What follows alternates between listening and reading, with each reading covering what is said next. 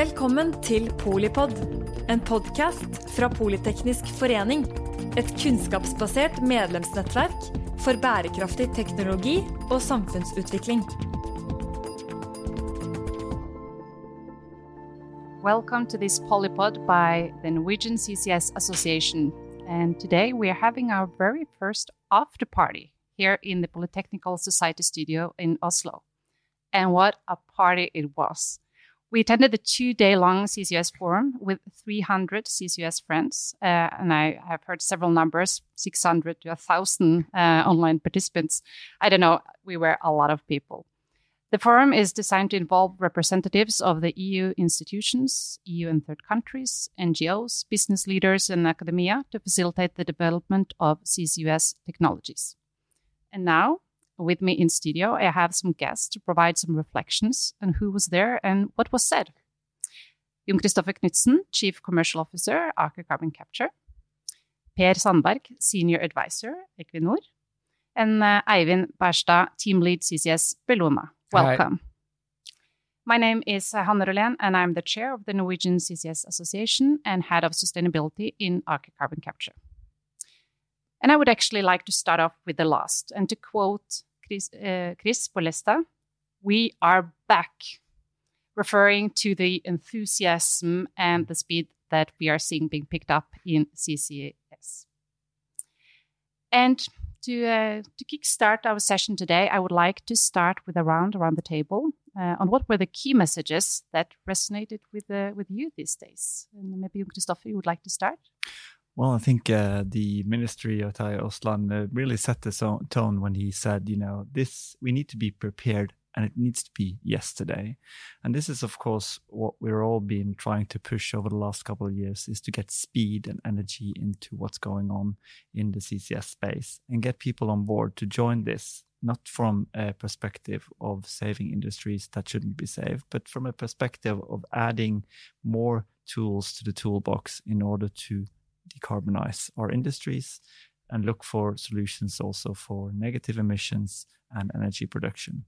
And I think energy production, uh, having that backdrop of the situation we have now in Europe, energy production should not be underestimated. And that's why I think, and we'll come to that in a minute, you know, the, the signals that we're now getting from Germany and other places which are faced with severe energy crunches and the fact that they are also taking steps in these challenging times in order to uh, facilitate for CCS is really, really important. Over to you, Per. Yeah, it, it, it, was a party. I, I agree with Johanna. There, there was very inspiring days. Uh, we also heard the clearest message, message ever from the European Commission that CCS is needed, welcome, and something Europe wants. You know, Kadri Simson, the Energy Commissioner, was very clear in her in her opening speech we also saw, I think, all the key public servants from the Commission, energy, climate, they were there. They were very hands-on, you know, moderating sessions along with the with the Norwegian public servants, and they were knowledgeable. They were positive. They were happy. They were fun, and they were sort of really showing the the, the enthusiasm for CCS. And uh, you, know, you, said the, we're back. You know, another catchphrase that came back was this. You know, there is no Green Deal without CCUS. You know, and I think if if that is established in Europe, then then we have the right starting point. Absolutely. What about you, Eivind? What's your reflections? Yes, no, uh, no um, Green Deal without CCS. That's quite clear, and that was, of course, clear to everyone in the room uh, before these two days as well. We have done the math before, uh, but it's now also a good sign that it comes from from a political level as well. They see the same. Um, and this message is, of course, something that we need a critical mass of industries in Europe to also get behind uh, so we can uh, get what we need from politicians, which uh, I think is a clear CCS strategy for with volumes and a timeline uh, so that we have something to to aim for uh, concretely uh, because now it's a lot of initiatives um, and this will affect pretty much everyone and we need uh, a clear message on where we're heading. And actually, I think the the ministry, uh, the uh, commissioner, actually said, you know, we need three things: we need funding, infrastructure, and regulations in order to accelerate. And all of these are important. But I think uh, it, the point about timelines and energizing that we act now that's something that we can learn from other geographies that are taking steps to incentivize uh, and to drive this market much much forward.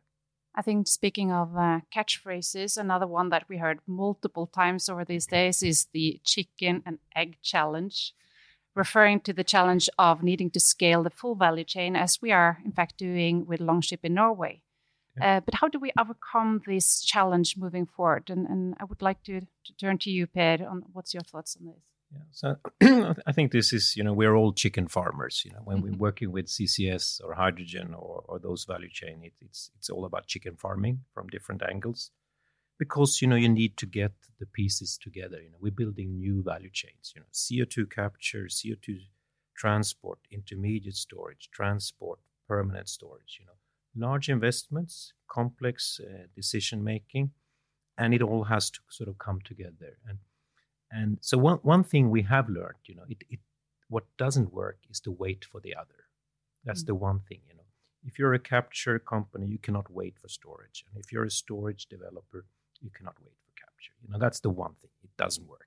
So what we need to do is to uh, is to walk together. You know, we, we have to get together, and there are three key key groups here. You know, it is those who are providing infrastructure and technologies.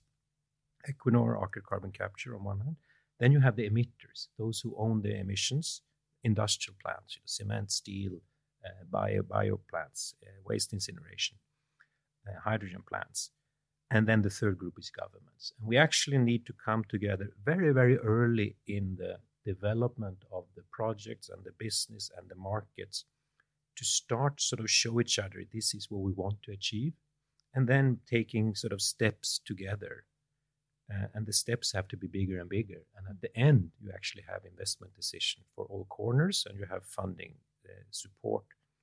So this this is the, the, the, this is the special thing about CCS and hydrogen project, and it's very different. For example, for within Equinor, uh, you know, when we look at the CCS value chain, it just looks like normal industry because it's the same technology, same suppliers, same partners, almost always as in an, as in a gas value chain but it's very different because in oil and gas and also renewables, you know, we have the business case established before we start the project development. You know, we are harvesting the business case. We know there are 1,000 units of gas, and therefore this is a good business case. CCS is opposite. We have no business case when we start, and we actually we can we have to build the business case together with these emitters and the governments by working together. And then by the end of this process, five years later, we have a business case. And at, at least in Europe, US is different because US has now got uh, a framework which is predictable. So CCS in US is much more normal business compared to Europe. Mm-hmm. And and just to add to that, you know, I think Liv Monica Stubholt really said it very well. This is the science of building an industry. The whole value chain needs to come together. It's not taught in business school these days how to build a new industry, and you can be fooled by the um, looking at different other value chains and thinking it's, it's just a copy of that.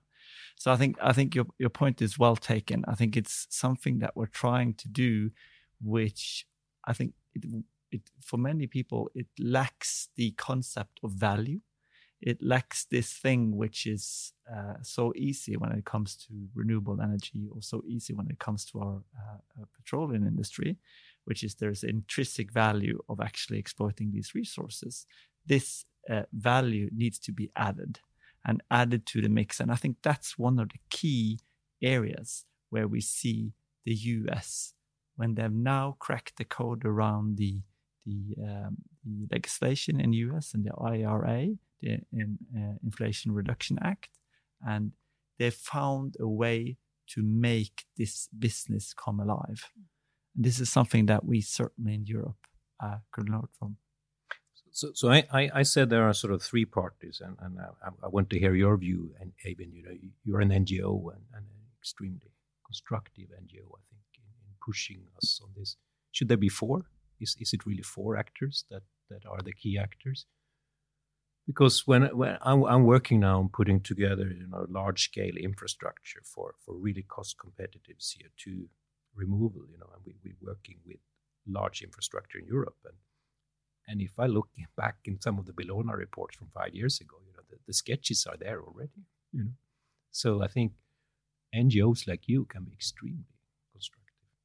I hope we can be. Yeah. Uh, also to take inspiration from uh, other countries as well. And I'm not sure if I can tolerate that um, the Department of Energy is so proud of their framework for for CCS, and we have to learn from the US. It should be the other way around. We have we, we have the op opportunity to to do that. Uh, and also when we see some of the initiatives that we would like to see in Europe go to the US instead, that means uh, we need to step it up a little bit uh, to be uh, an obvious region for for climate technology to be implemented. And uh, just, just I, I, provide this example when I, I, I met the guy from the DOE, and it's it's quite an interesting example. The way Hanne and I we learned about the IRA was that we saw a a news article uh, online uh, at the the Times who was saying that the share price of Aker Carbon Capture had gone up because of the legislation that was passed that's how we earn it. And that's something because we're not listed, you know, we're listed on the OTC, but we're not listed really a full scale in the US. And just the fact that that is the result of an act in this area going uh, forward, it says something about the magnitude of the American market and how influential they are when they start moving.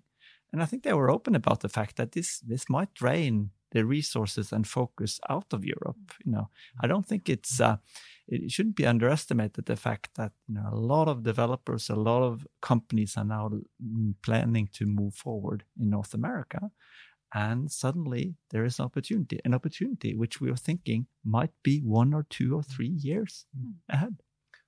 Maybe, Hanne, maybe you or you and Kristoffer should explain, you know, IRA, this this policy. What what is it? You know, the, the key key components. Mm. Yeah, I, I, can certainly um, uh, try, uh, try. So, so the interesting way of looking at incentivizing these type of structures in the US is, of course, tax credits and much, much more use of the carrot rather than the stick. And I, you know, I think they said it very from the DOE side. They said it very clearly. You know, we have a long tradition in the US in to actually make the industries work for us rather than trying to kick them down. How can we make this making something in the right direction, something which is also a business case that can work. And they've been working on this for quite some time. They had the 45Q trying to support both the use of CO2 and also the storage of CO2. But they saw very quickly that the amounts of money that they were providing as tax credits and the way that the tax credits worked, which they couldn't be really monetized, they really needed some really big companies to monetize them it didn't work. So the IRA, interesting enough, with its name, which is uh, no, uh, you know, uh, resemblance to the organization IRA, it comes as I would say a bipartisan agreement. So that's really the strong thing about this. This is nothing that they're going to change next year or the year after, irrespective of who's actually governing this. And it's a construct that actually makes the tax credits more usable and it increases the uh, the amounts that are paid for carbon capture and storage and, and, and also the usage piece, as well as the direct incentivization of the direct air capture project, which of course is something which I, I would say North America is really, really passionate about, much, much more passion. So it's an it's an opportunity for businesses to get their uh, their business case to work. I think perhaps uh, we should dedicate a separate polypod for this topic because certainly uh, we expect uh, some really big things coming out of this, and also the volumes and the the speed pickup in in, in the US. But uh, let's bring it big, a bit uh, closer back home. Mm. Uh, and I would like to bring forward the, the suggestion that came from Professor Christopher Jones. And I would have to add politely so. Um, but it got a great response from the audience. And um, that was uh, how Norway should use a tiny part of its zillions of income from gas exports these days to set up a fund to finance infrastructure for CO2 transport and storage to kickstart CCS in Europe. So I'm really curious to learn your thoughts on this one. Of course, it makes uh, perfect sense that you use some of the extra income that you have for uh, reducing the effects of the product that you sell for high price. That makes perfect sense, and I think uh, it's a sense of the uh, just transition. Um, and uh, I mean, we in Norway should be a bit cautious of what kind of moves we make in the gas market at this time uh, to not end up in a situation where we're just viewed as profiting on the war and not really contributing to the dugnad that Europe needs. Uh, so of course it's uh, tempting to say that some of the um, extreme profit that we see from selling oil and gas um, to use that for for CO2 storage makes uh, makes kind of a logic sense. Uh, so I'm taking note of that, and we've also been advocating for some kind of a CO2 fund uh, for industry for quite some time. Uh, it's still a good idea, like many of the old ideas that still haven't been realized. It still makes sense that you have some of the uh, the money from the industry goes back to the industry to develop uh, climate technologies. It's uh, it's logic to me still. And I, I think you don't you really need to go as far as the Europe in terms of thinking this way. I think we could certainly do this. And I challenged uh, Minister Terje Aasland when I met him in Copenhagen a few few weeks ago, and I said, you know, it's well and good that we're planning to increase the, the cost of emitting CO2, but what we're needing and which we don't have is to incentivize companies like you know Beerenberg and Forus Energy and Stavanger and all across you know from the waste incinerators and and smaller and mid-scale emitters, um, and trying and how can we do that? And one of the ways is, of course, to set up a fund where it actually pays off to do something with their emissions now and not in 2030, not having to wait for the uh, 2000 kroner or 200 euro type of uh, taxation that is planned. Yeah, and I, I, think it's an interesting proposal, you know, and I think one is sort of the moral dimension of it. You know, what do you do when you make this big, big, big income? The other one is, you know, how do we keep the momentum on the decarbonization and the projects? You know, we and for example, we in Equinor and other good companies and Aker and others, you know, we, we have a pipeline of projects that we have developed and are more, almost ready for for investment decisions. But I think all of if you're looking then at Europe and UK, you know, we have we have all been relying on on some some public support for the realization of the project, you know, either by by project specific money support like we got for Longship or some contract for difference or some some kind of cost of carbon you know mm. which will then either have to be paid by the end consumer or the consumers or the taxpayer which are the same people in, in, in UK and Europe but I mean with the crisis which is deep you know it's it's I mean I wouldn't be surprised if these countries will struggle to put up the money now so I think we need a plan B to finance the project because the portfolio of projects is good and the solutions are still needed. So I think we need to really think about, you know, what is a plan B for funding these projects so that they are realized now rather than delayed five years, waiting for the crisis to go over. And then I think, you know, something like a fund of this line, you know, something about, you know, Norway and, and, and the industrial companies funding more of the, the early cost in, in and then getting more of the long term benefits. You know, this this is a kind of plan B, and that's mm. that's the proposal I heard.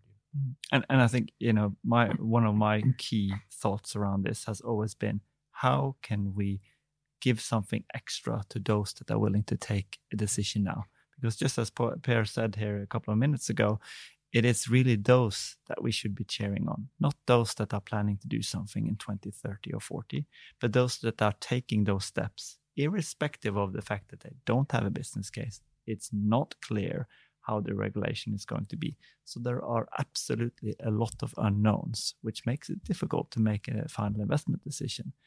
those should be the ones that we bring forward and help get started. And I think if we can, you know, do like we've seen, for instance, in Canada, where there is a significant drive to say, if you start today or tomorrow, we will cover 50% of your capex, and then we will, you know, incentivize you in many ways, and then we will gradually phase this scheme out. So act now rather than later, because that is really, you know, uh, incentivized. I think this will open up a whole range of, you know, even more uh, and better projects and increase that pipeline, which is so much needed now that we can see that the infrastructure and storage is also coming into play. Totally agree. We definitely need to help those projects who can come online um, in the mid 2020s. That's uh, quite some momentum in these projects now uh, maturing. And if they can't figure out uh, the final financing or the infrastructure needed, especially on the storage and transport side, if they can't come up with a solution to their project in the next year or two, uh, they're probably going to lose momentum. So there is definitely a risk that uh, we lose that momentum in the first wave of projects, which would really be a shame since these are the ones who took on most of the risk being frontrunners in this. So all good ideas on how we can de-risk and get the final pieces in those puzzles completed, that would be more than welcome. I don't think we can talk about decarbonization and net zero targets in Europe without mentioning Germany. So I would like to hear some some of your thoughts on how it, how do you see the progress in Germany with respect to CCS? Germany is fun. Uh, Bellona opened uh, an office in Berlin a couple of years ago, and it's uh, definitely not one single boring day at the office. um, um, and we, I mean, we see the industry calling for for the need. Uh, it's it's how they are going to retain uh, their business and uh, their employers, and um, they see an opportunity of exporting uh, CO2, which is uh, which is cool. So I'm I'm cheering for for large scale uh, CO2 infrastructure in Germany as well. I'm way more optimistic now than than two years ago. then they seem to be like, okay, we're we're not doing CCS first. At least we're checking out all other options before that but I guess they have now figured out that okay, this is actually something we need, and it gets some attention, and it's going in the right direction.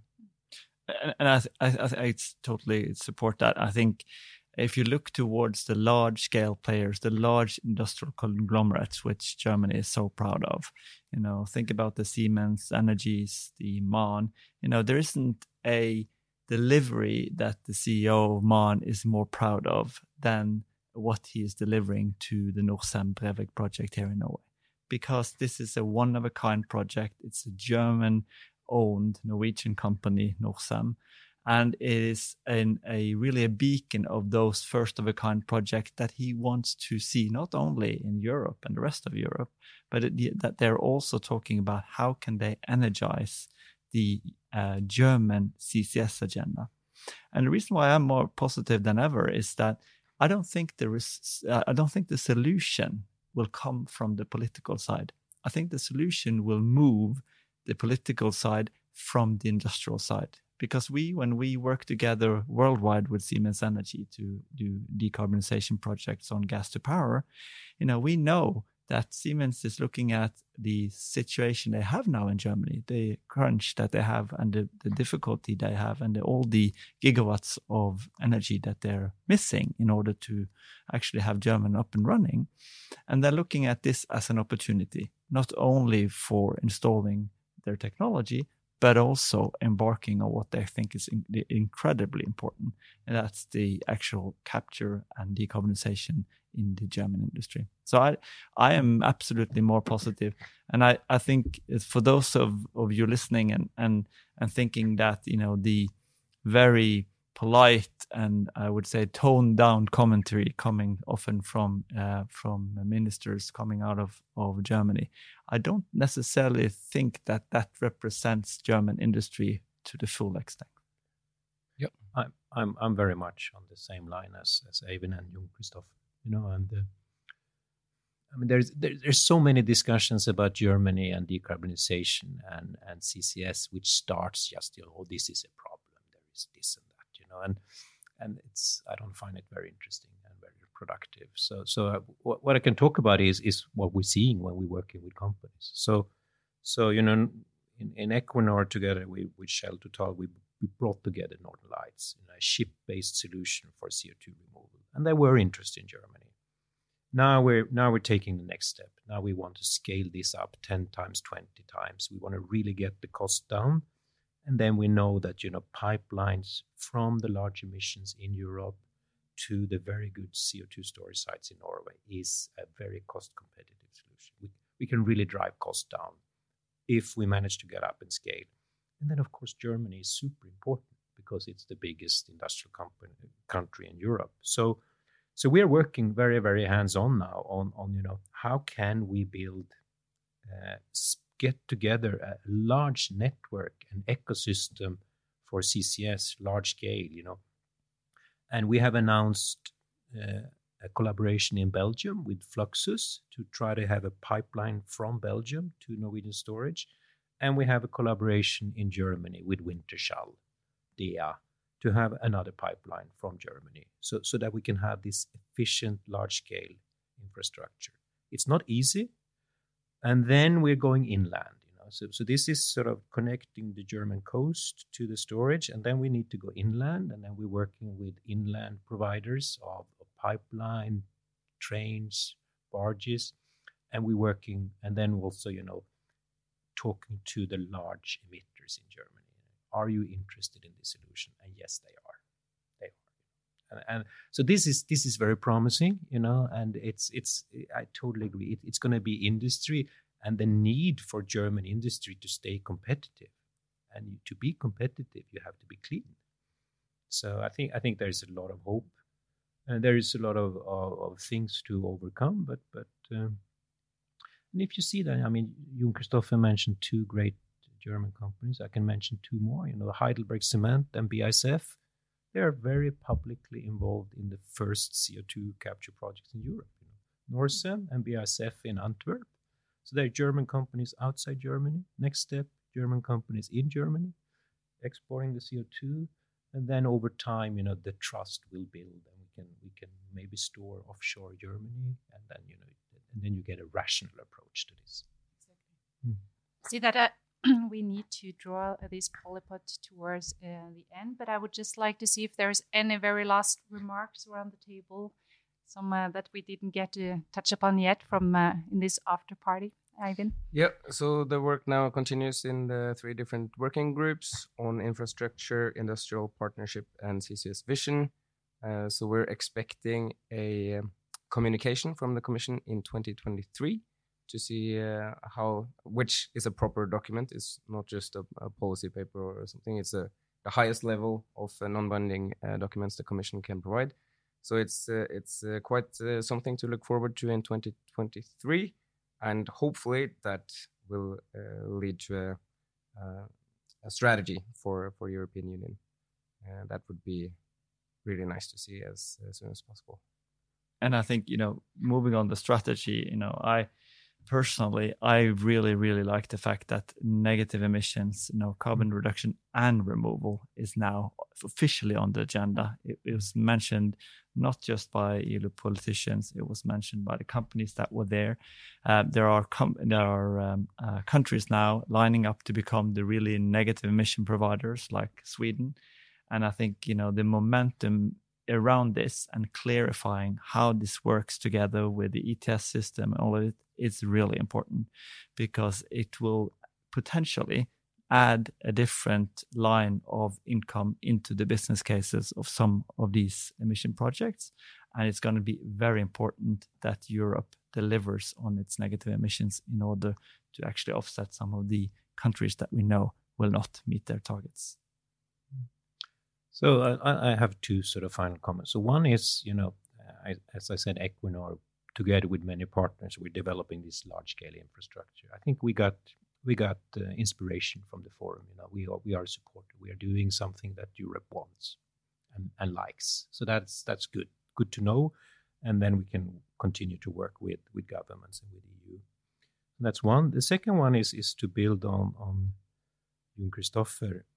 You know, and Eivind said, you know, there are three working groups, and we could see some some sort of draft documents, you know, and one was the CCS CCUS vision, which says, you know, CCS is needed, it's a good thing, we want it in Europe, and then you see sort of the the order of how how the document describes why CCS is a good thing, you know, and it's for us from Norway, it's a bit surprising order because we we naturally think, you know, CCS is a good thing because we can decarbonize gas but but that document, you know, starts with CCS is a good thing because one, it can give us negative emissions. Two, it can decarbonize uh, hard to abate sectors, cement, steel, waste incineration. And three, it's also a good thing because it can decarbonize energy, fossil energy, gas in particular, gas. And this is sort of an, an unusual order, but I think actually this is a good order and I think those of us who wants to develop CCS and, and wants to build real broad support, it's actually a good order, you know, this one. And it's in particular, you know, CCS being more than for the fossil industry, it's tremendously important and it builds a broad support in society.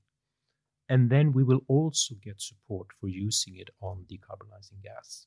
And I think we should actually accept this sort of a bit sort of detour of negative emissions and hard to abate to, to also get to the core of the Norwegian interest, which is decarbonizing gas. Excellent. Thank you so much to the guests here in the studio, and thank you for listening. I find it also inspirational. We feel the momentum and looking forward uh, to the rest of this year and uh, 2023 to continue the speed that we are seeing these days. Thank you. Takk for at du lyttet til Polipod fra Politeknisk forening. Få med deg flere episoder, eller bli med på nettverksmøtene som du finner på at polyteknisk.